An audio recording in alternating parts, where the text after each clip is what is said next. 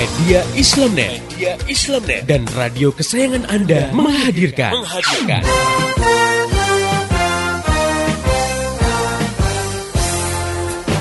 Voice of Islam. Voice of Islam. Voice of Islam. Bagaimana tidak nyaman misalnya ya kalau diterapkan hukum cambuk bagi peminum khamar sementara negara tidak menerapkan mekanisme yang melarang khamar masuk ke suatu wilayah Iya. dan diperjualbelikan. Artinya masih ada orang yang berjualan khamar dan akhirnya ada juga yang beli, akhirnya ada juga yang minum. juga. Padahal kalau minum dicambuk. Nah, Dicambuk. ini kan juga semacam dilema juga ya. Iya. Atau misalnya diterapkan hukum cambuk bagi yang melakukan pergaulan bebas. Nah, sementara negara sendiri tidak menghambat arus masuk pornografi dan porno aksi di suatu negeri. bahwa menangis itu yang dianjurkan nih di- dianjurkan itu menangis karena ingat dosa takut pada Allah Nabi SAW itu pernah bersabda dalam satu hadisnya la yalijun nara rajulun baka min khasyatillah hatta ya'udal labanu fil darra'i Nabi bilang tidak akan disentuh oleh api neraka seseorang yang menangis karena takut kepada Allah Nah, tadi kalau misalnya cinta itu tidak didasarkan pada pemahaman Islam, emosional sifatnya. Ya kan? Iya, iya. Lagi disayang-sayang sama suami, dikasih hadiah banyak, beliin pakaian baru, Sayang. dibelanjain banyak, sayang. Sayang. Nah, begitu suami di PHK, nganggur satu tahun nggak dapat kerja, ini udah mulai mengikis.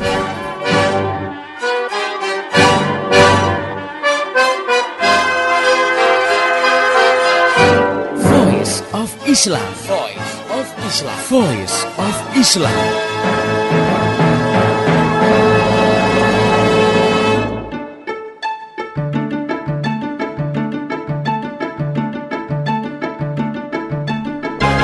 Halo Indonesia, Assalamualaikum warahmatullahi wabarakatuh Jumpa lagi dengan saya Purwa Ariandi dalam program Voice of Islam Kerja bareng Media Islamnet dengan radio kesayangan kamu semua Selama setengah jam ke depan Voice of Islam akan menemani kamu semua sobat muda sekalian Dalam rubrik yang muda yang bertakwa Sebuah rubrik yang didesikan khusus untuk kamu semua Tentunya kali ini saya nggak sendiri Kita juga sudah kedatangan eh, seorang ustadz, Ustadz Iwan Januar. Insya Allah eh, beliau sudah hadir di sini.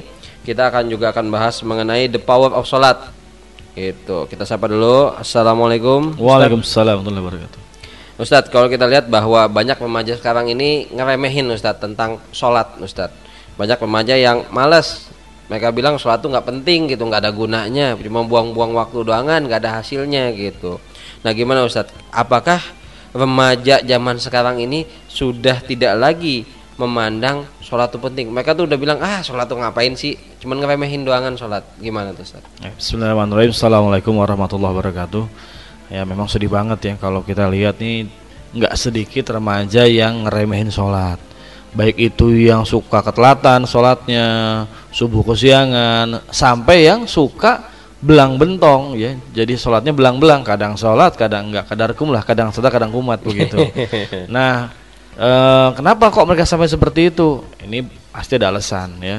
Yang pertama pastinya ah, mereka itu belum sampai kepada tingkat memahami nikmatnya sholat dan kewajiban sholat.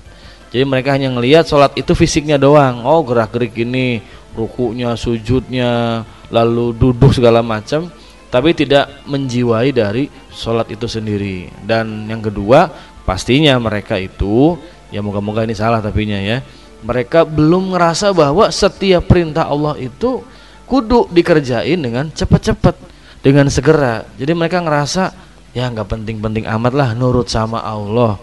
Oh eh walaupun kalau kita bilang eh oh kamu nggak nurut sama Allah pasti bilang oh saya nurut sama Allah gitu kan. Cuman ya pra- pada prakteknya dalam masalah sholat aja nggak sedikit remaja yang tadi ngeremehin sholat. Ya suka tertinggal sholatnya nggak mau sholat berjamaah sampai masih belang-belang sholat.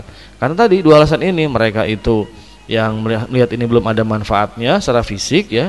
Yang kedua juga karena ya belum ada dorongan iman yang kuat gitu kan. Ditambah lagi godaan godaan. Lihat temennya nggak sholat. Wah kayaknya kalau nggak sholat asik nih nggak capek gitu kan terus juga temen gue nggak sholat ah nggak ngaruh apa-apa tuh nah, Nggak sholat kayak gitu. nggak sholat kaya nggak sholat ganteng gitu kan nggak sholat ceweknya banyak gitu ya Nah, hal seperti itu akhirnya menambah mereka untuk tergoda nggak mengerjakan sholat. Nah, Ustaz. Nah, kalau kita lihat bahwa memang remaja itu benar-benar sekarang zaman sekarang udah ngeremehin sholat entah karena memang memang mereka juga sudah terjebak dengan hedonisme Ustaz ya. Atau dengan sekularisme sehingga mereka pikir bahwa ya hidup di dunia hanya untuk di dunia di akhirat gimana ntar? Mm-mm. ya kan prinsip muda foya-foya tua kaya raya mati masuk surga. Pengennya kayak gitu katanya sih ya. begitu.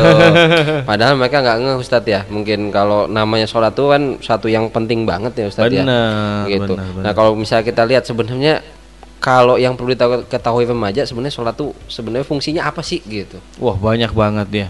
Pertama ya ada ulama yang mengatakan sholat itu dari asal katanya silah artinya hubungan. Orang yang sholat berarti dia menjalin hubungan dengan siapa? Pasti dengan Allah Subhanahu Wa Taala. Kenapa kita kudu menjalin hubungan dengan Allah? Ya iya dong harus. Yang ngasih kita nafas Allah, ngasih kita air Allah, kita masih punya umur Allah. Pokoknya Allah ulang-ulang dalam surat Ar-Rahman fabi ai ala irabbikuma tukadziban. Nikmat Tuhanmu yang mana, nikmat Allah yang mana yang mau kita dustain, yang mau kita bohongin gitu kan. Nah, kalau kita ini udah sering dapat nikmat, rizki, karunia dari Allah, masa iya kita nggak mau sowan, nggak mau silaturahmi, nggak mau bukan silaturahmi, mau hubungan dengan Allah Subhanahu Wa Taala gitu kan. Jadi yang pertama, sholat itu manfaatnya, fungsinya ini cara kita menjalin hubungan sama Allah Subhanahu wa taala. Nah, kalau kita udah sering jalin hubungan dengan Allah minimal sehari lima kali, pasti dong Allah dekat sama kita. Ya, karena dalam satu hadis qudsi ini Allah bilang siapa yang mendekat kepadaku dengan berjalan, aku berlari kepadanya. Maksudnya gimana?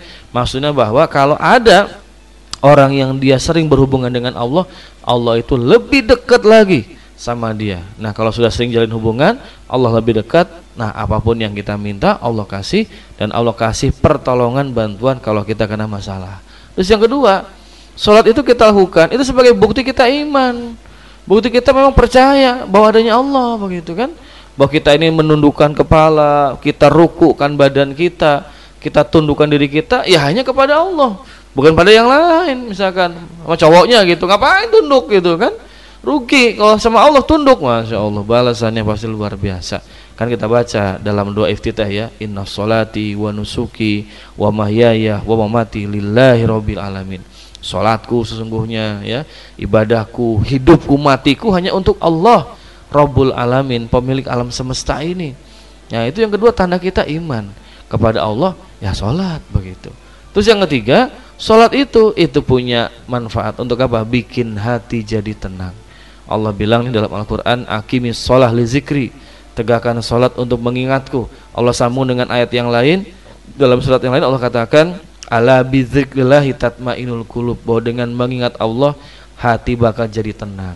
Nah kan remaja Masalah ada aja ya. Iya. Ulangan jeblok Rapotnya kebakaran ah, Banyak merahnya sama orang tua kadang-kadang suka ya dari ribut-ribut dikit lah. Diputusin ah. pacar. Lebih pacar ya. Sama teman ribut segala macam. Solusinya satu sholat. Ingat sama Allah. Ingat sama Allah hati bakal menjadi tenang bakal cool bakal calm hidup kita. Itu kalau yang benar Ustadz diputusin pacar sholat ingat pacar Ustadz. ah jika khusyuk ya. Nah, salah itu. Itu pelarian namanya. Justru kita sholat itu cari obat begitu kan.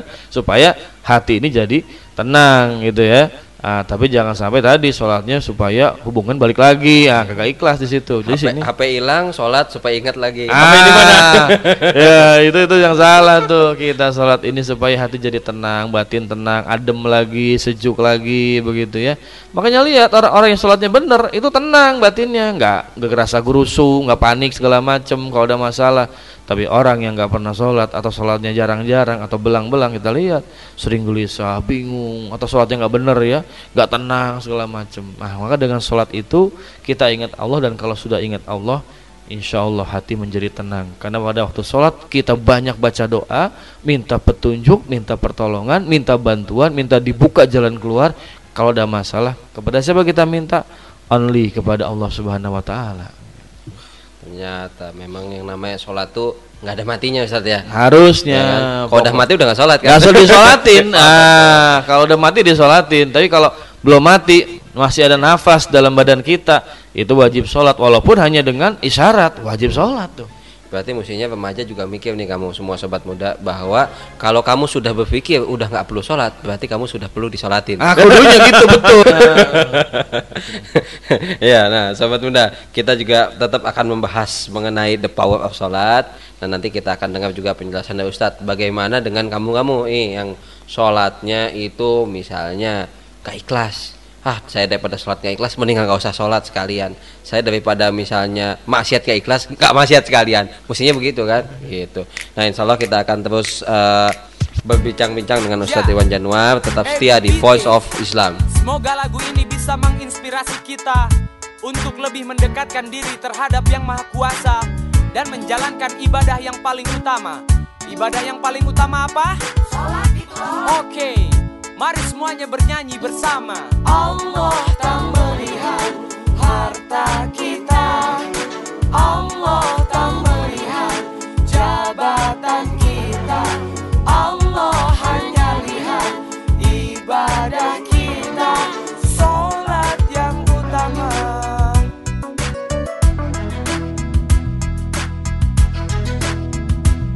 Masih terbersitkah dalam pikiran kita bahwa dunia adalah segalanya? Harta benda yang akan menguasai sehingga kita mencari harta, mencari benda sampai lupa diri. Sikut kiri, sikut kanan hilangkan perasaan walau sesama kawan. Sikut kiri untuk jabatan hari ini, sikut kanan bunuh teman dalam pangkuan. Ya, memang Allah tidak mengharamkan kita mencari harta, mencari benda Namun sudah ditetapkan aturan Kos yang Allah inginkan, yang Allah perhitungkan Bukan harta atau benda Allah tak melihat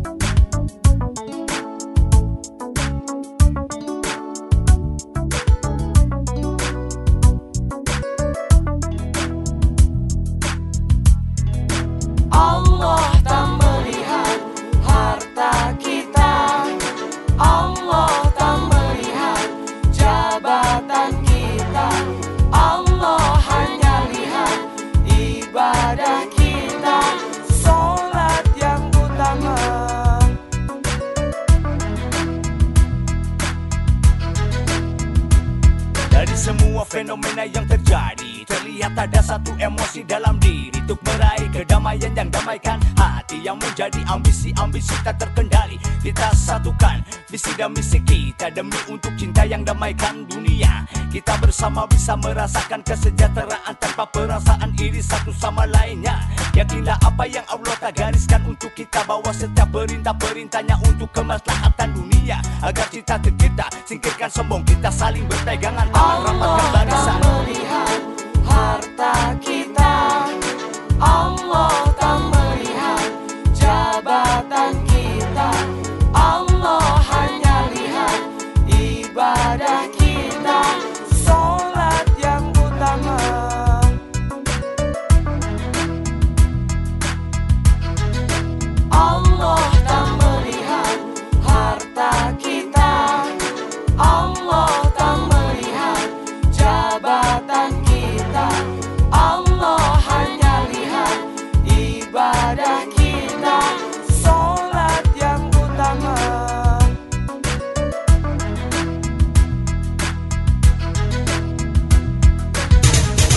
Kabar gembira. Kabar gembira.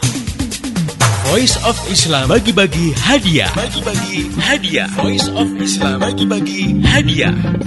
Assalamualaikum warahmatullahi wabarakatuh. Pendengar yang budiman, saya Latifah Musa mewakili seluruh kru Voice of Islam mengucapkan terima kasih atas perhatian, dukungan, masukan, kritik, dan saran dari Anda. Untuk itu, izinkan kami mengungkapkan rasa terima kasih kami dengan memberikan hadiah kepada 20 orang pendengar terpilih. Pendengar yang budiman cukup mengirim SMS ke 0856 9492 4411. Ketik nama dan alamat lengkap Anda. Ketik juga nama radio kesayangan Anda ini berikut pada jam berapa Anda biasa mendengarkan acara Voice of Islam. Pemenang akan kami umumkan pada bulan Desember 2007 dan bingkisan hadiah bisa Anda ambil di radio kesayangan Anda ini.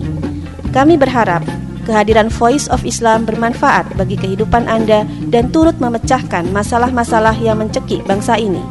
Dengan Islam, kita raih solusi untuk masa depan Indonesia yang penuh berkah. Mohon doanya, mohon dukungannya. Assalamualaikum warahmatullahi wabarakatuh. Masih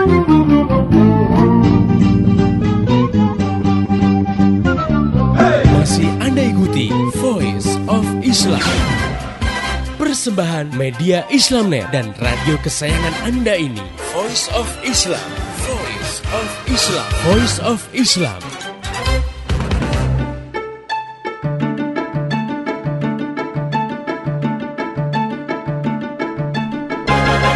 Masih di Voice of Islam kerja bareng media Islamnet dengan radio kesayangan kamu ini.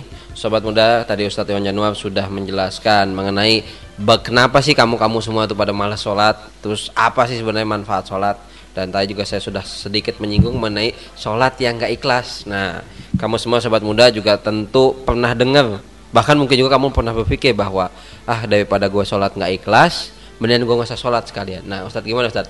Mendingan sholat nggak ikhlas, tapi ik- atau ikhlas gak sholat Ustadz?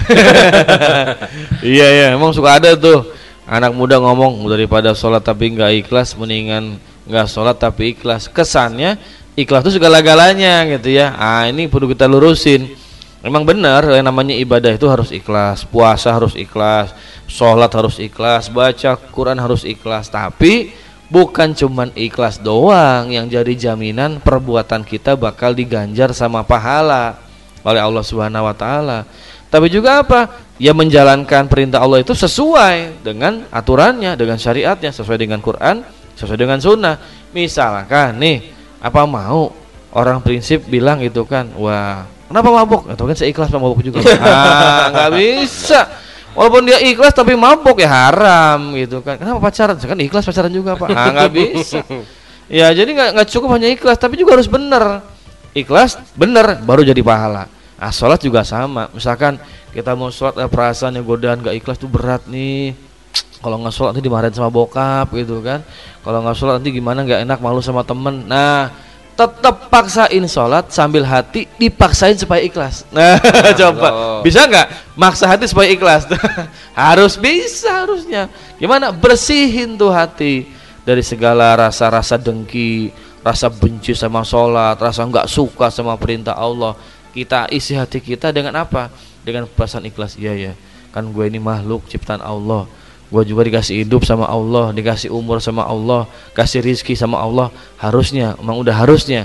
Ini gue bersyukur sama Allah. Gimana? Gue tegakkan sholat. Nah, jadi kalau cuma dibilang kan harus ikhlas, betul ikhlas itu harus.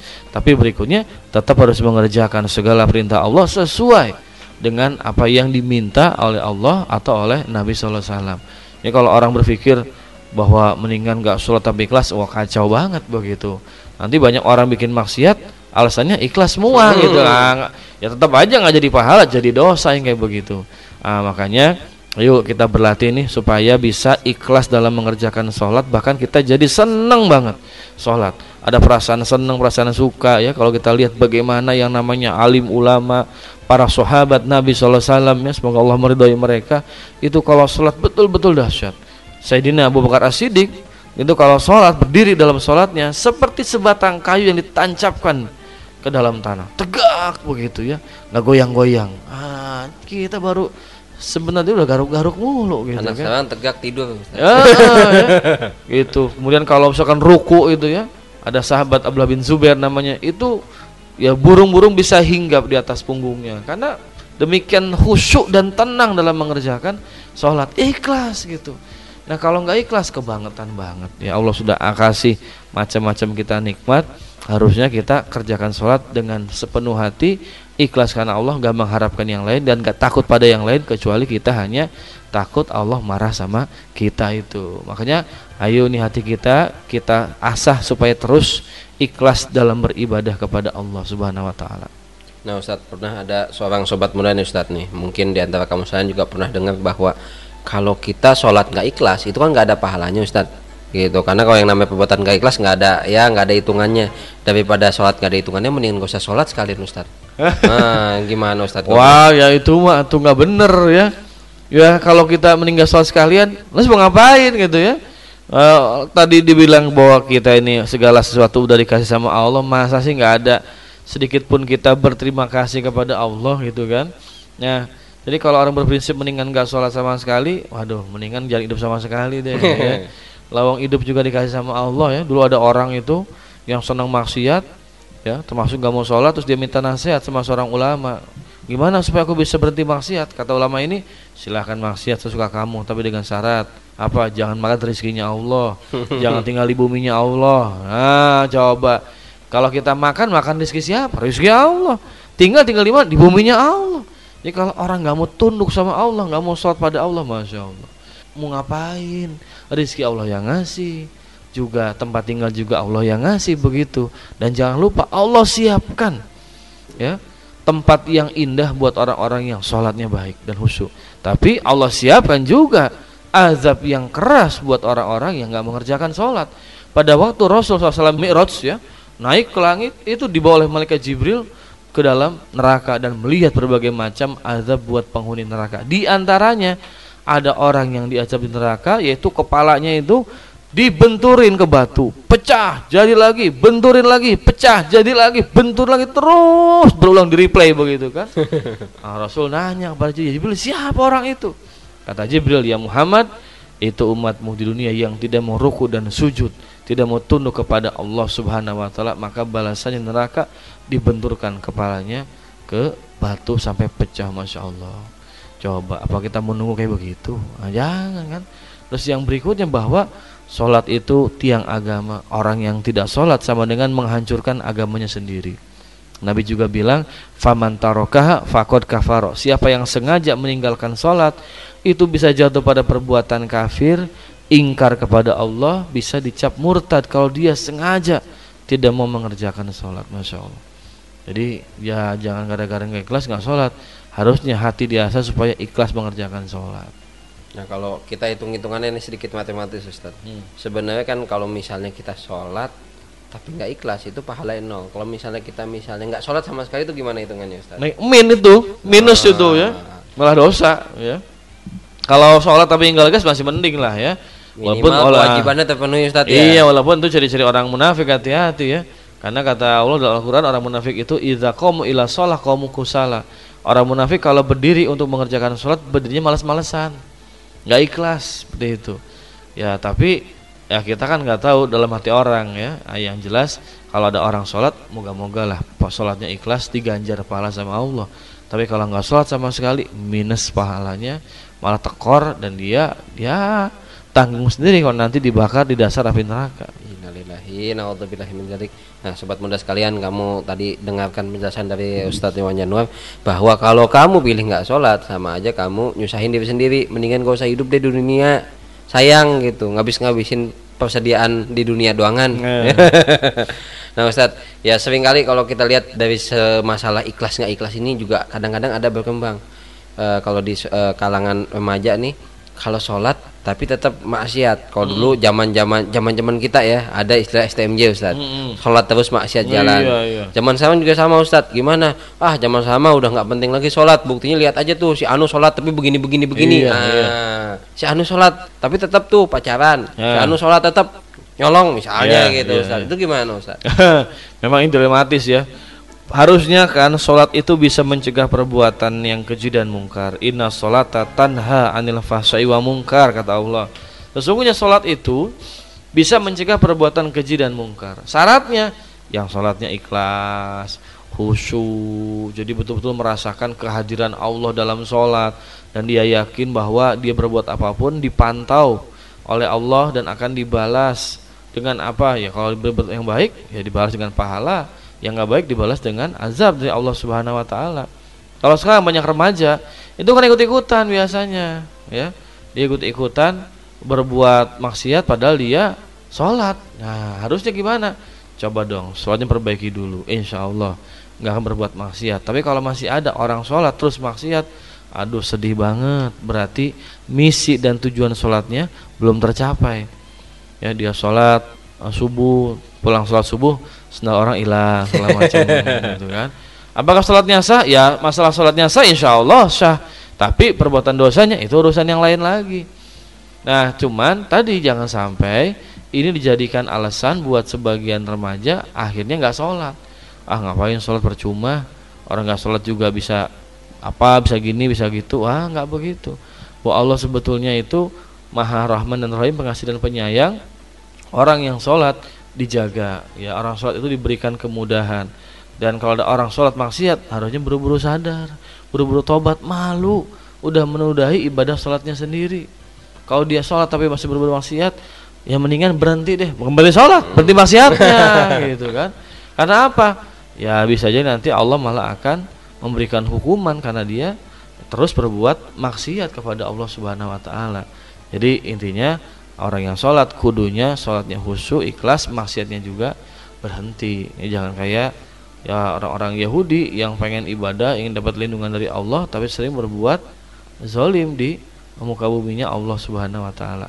Oleh karena itu uh, janganlah kita nodai sholat kita dengan amalan-amalan maksiat. Misalkan mau pergi sholat taraweh berjamaah boncengan sama ceweknya. Wah itu sholat taraweh tapi masih maksiat itu kan. Pulang sholat taraweh pacaran lagi. Waduh berarti itu gagal misi sholatnya harusnya dia ingat sholat itu harus bisa mencegah perbuatan keji dan mungkar. Nah sekarang juga kadang-kadang ada sebalik Ustadz. Orang yang biasa melakukan maksiat dia nggak pernah sholat.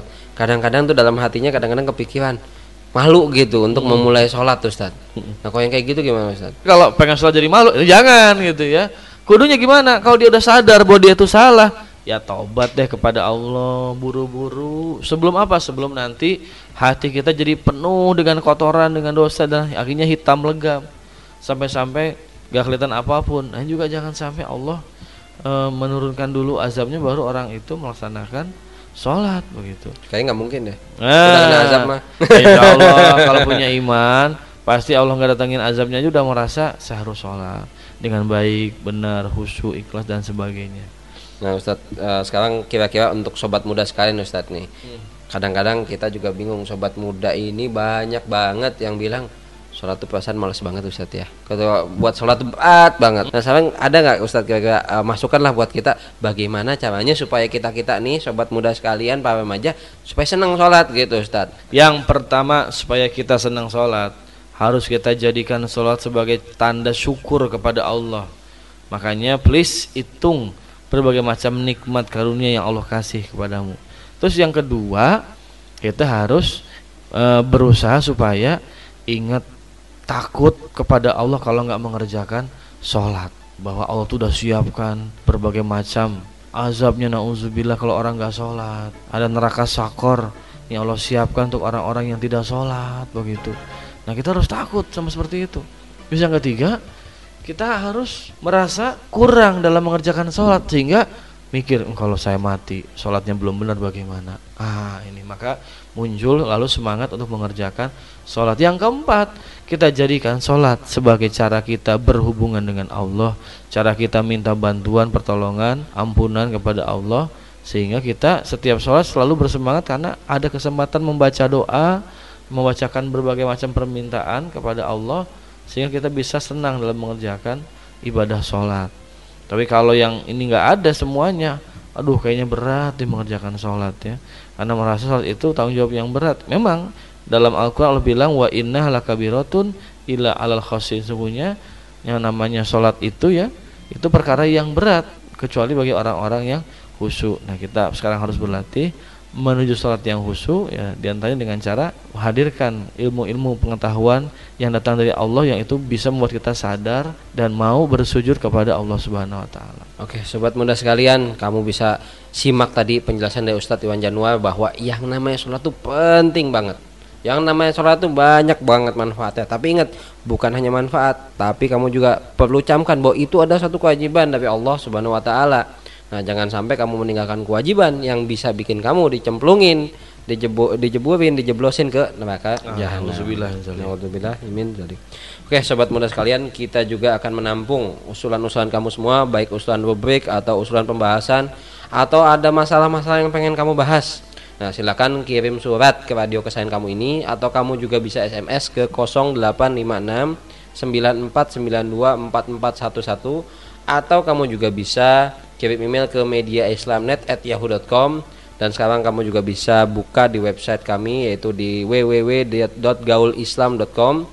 Saya Purwaryandi dan seluruh kerabat kerja yang bertugas mengucapkan terima kasih banyak pada Ustadz Iwan Januar. Sama-sama. Terima kasih juga kepada kamu semua sobat muda sekalian yang setia mendengarkan acara ini. Pesan dari kami sampaikan apa yang kamu dengar ke teman-teman kamu semua. Insya Allah itu akan menjadi hitungan pahala bagi kamu. Amin. Dan besok insya Allah Voice of Islam akan hadir kembali di waktu yang sama dan gelombang yang sama. Mari menimbang masalah dengan syariah. Wassalamualaikum warahmatullahi wabarakatuh. Info teknologi, info teknologi, info teknologi. Berikut info teknologi dari konsultan komputer Purwa Purwa Ariandi. Info teknologi, info teknologi. Sobat muda sekalian, kadang-kadang kamu bingung dengan istilah yang dipakai di dunia HP. Ada 1G, 2G, 3G. Nah, biasanya 2G, 2FG, 3G. Nah, kamu pasti bingung apa sih bedanya antara generasi pertama untuk HP, generasi kedua dan generasi ketiga. Generasi pertama atau 1G merupakan teknologi ponsel pertama yang menggunakan sistem analog. Sistem ini mulai digunakan tahun 70-an. Ya, bersamaan dengan penemuan mikroprosesor untuk komunikasi tanpa kabel.